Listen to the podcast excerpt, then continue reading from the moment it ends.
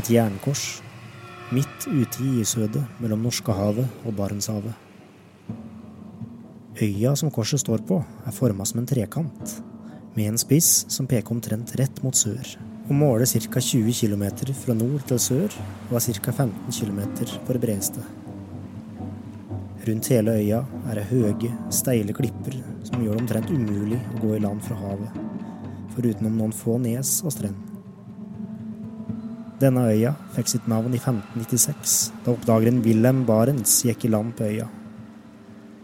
Mens Barents og mannskapet rodde mot land, fikk de øye på en isbjørn som svømte forbi den lille jolla. Og den nederlandske oppdageren ga øya navnet Bjørnøya, og det er her jernkorset står. Men hvorfor står det her?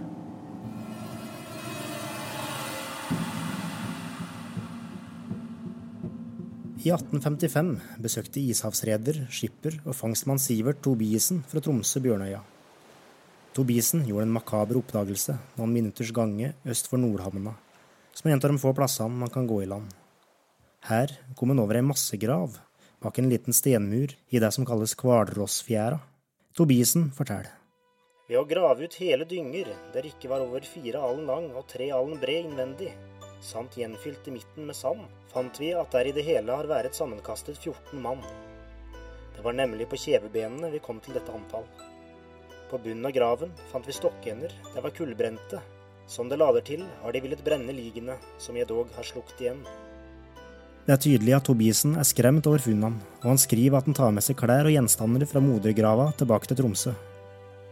På den tida her verserte det skrekkelige historier fra russiske pomorfangstlag om mord, mytteri og mannskap som ble akterutseilt til en sikker død. Pomoran var et russisk folkeslag bosatt ved kysten, og ordet kan best oversettes til folket som bor ved havet, eller kystboere. Tobiesen ble ut fra klærne ganske sikker på at det var russiske pomorer som hadde blitt drept, og så forsøkt brent for å skjule spor. Han trodde derfor at dette var et fangstlag på minst 14 mann som hadde kommet på kant med andre pomorer, og som hadde måttet bøte med livet. De gamle fangstmennene i Barentshavet var et overtroisk folkeslag, så Tobisen tok med seg de 14 likene og begravde dem ved Nordhavna.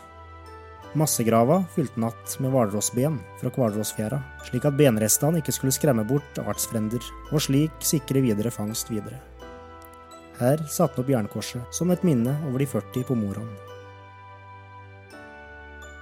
I moderne tid har det gått ned flere fly over Bjørnøya, bl.a. et tysk fly med bortimot 40 passasjerer om bord. Grunnet permafrosten kommer det stadig menneskelevninger opp til dagen på Bjørnøya, og gudene vet hvor mange som er omkommet her som ikke er dokumentert.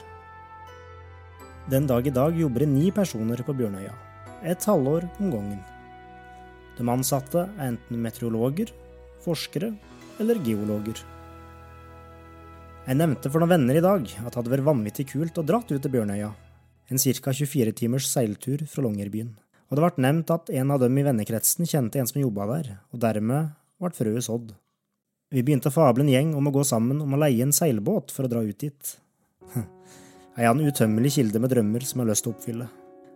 Vel, noen drømmer er jo lenger fram i tid og ikke helt oppnåelige enda, og andre tar plass hjemme i Alvdal.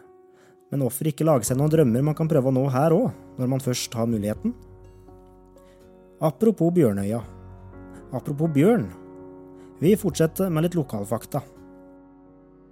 Det første man tenker på når man hører navnet Svalbard, er nok ofte isbjørn. Men hvor mange isbjørner er her egentlig? Og hvor farlig er de? Isbjørn? Det, det er farlig, det. På Svalbard finnes det rundt regna 3000 eksemplarer til isbjørn. Det er altså 500 mer bjørn enn det er mennesker. Før jeg flytta opp hit, trodde jeg at jeg måtte gå bevæpna overalt. På butikken, på puben, inne i barnehagen, ja, overalt. Så ille er det heldigvis ikke. Men du skal ikke mer enn en kilometer i radius utafor byen før det er sterkt anbefalt å ha med seg bjørnstusser. Isbjørnen er den eneste bjørnearten i verden som er 100% kjøtteter. Dette gjør isbjørnen farlig, og for folk. Særlig om høsten kan isbjørnen være ekstra aggressiv, ettersom den feter seg opp til vinteren og hardere tider. Jeg har sjøl en teori, som ikke er dokumentert, om at isbjørnen blir mer aggressiv pga. klimaendringa nå, og at ettersom havisen minker, så trekker isbjørnen mer og mer inn i fastlandet, der den kan fange ren, rev og anna småsnacks. Dog det ikke er drept mer enn seks personer til isbjørn siden 1971, er det stadig ublide møter med isbjørn. Det har til sammenligning blitt drept 8350 isbjørn på ti år, så angrep skjer, og det er mange som har hatt besøk rundt hytteveggen. Senest i 2020 ble en utenlandsk turist dratt ut av teltet sitt på Svalbard camping av isbjørn, og spist. Campingen ligger for øvrig bare 100 meter fra flyplassen, så det er skremmende. Men heldigvis sær sjelden, så dere som har lyst til å komme på besøk, kan trygt gjøre det. Denne uka har egentlig ikke skjedd så mye spennende for mitt vedkommende, men jeg kan fortelle om det lille som har skjedd. Jeg fikk nok et bevis på at verden ikke er så stor, da jeg ble kjent med en rødrosing på korøvelse første uka.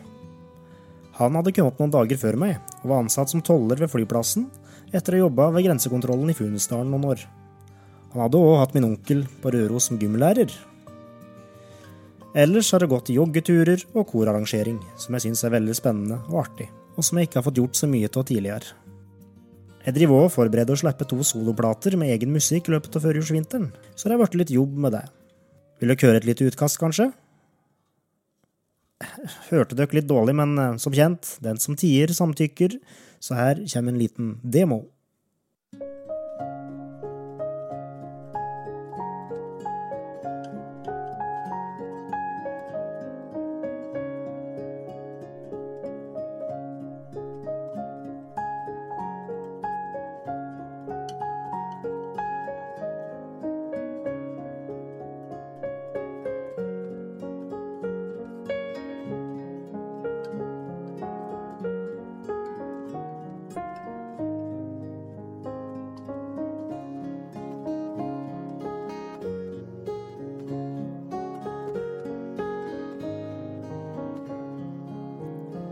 Ei så svala fløg en sommerdag over himmelen klar og fin.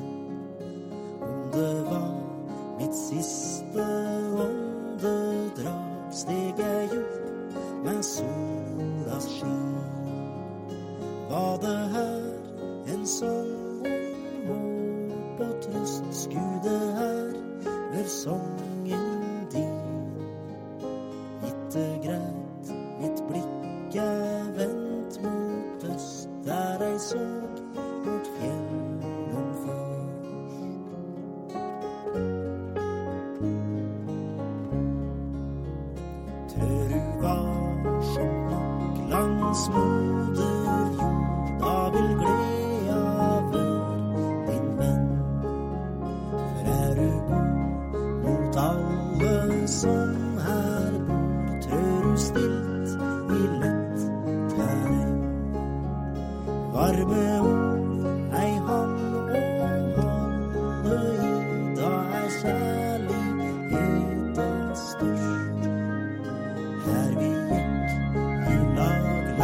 livets sti, og så opp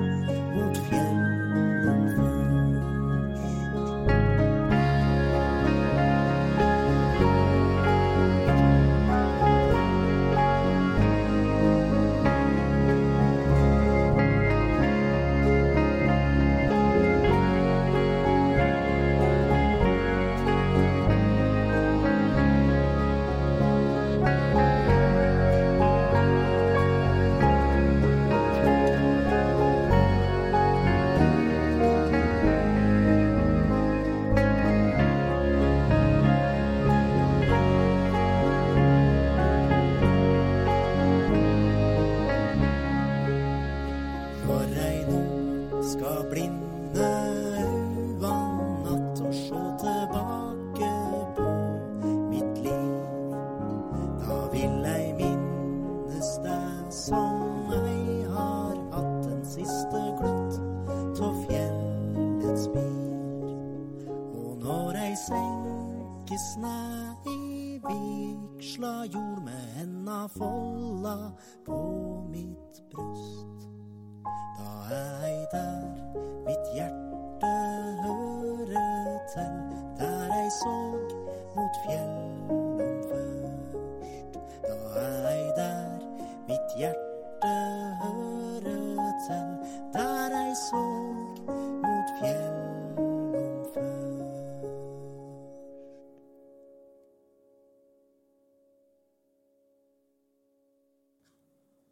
I dag har jeg vært på rypejakt med kollega Tonje og kjæresten hennes Raimond.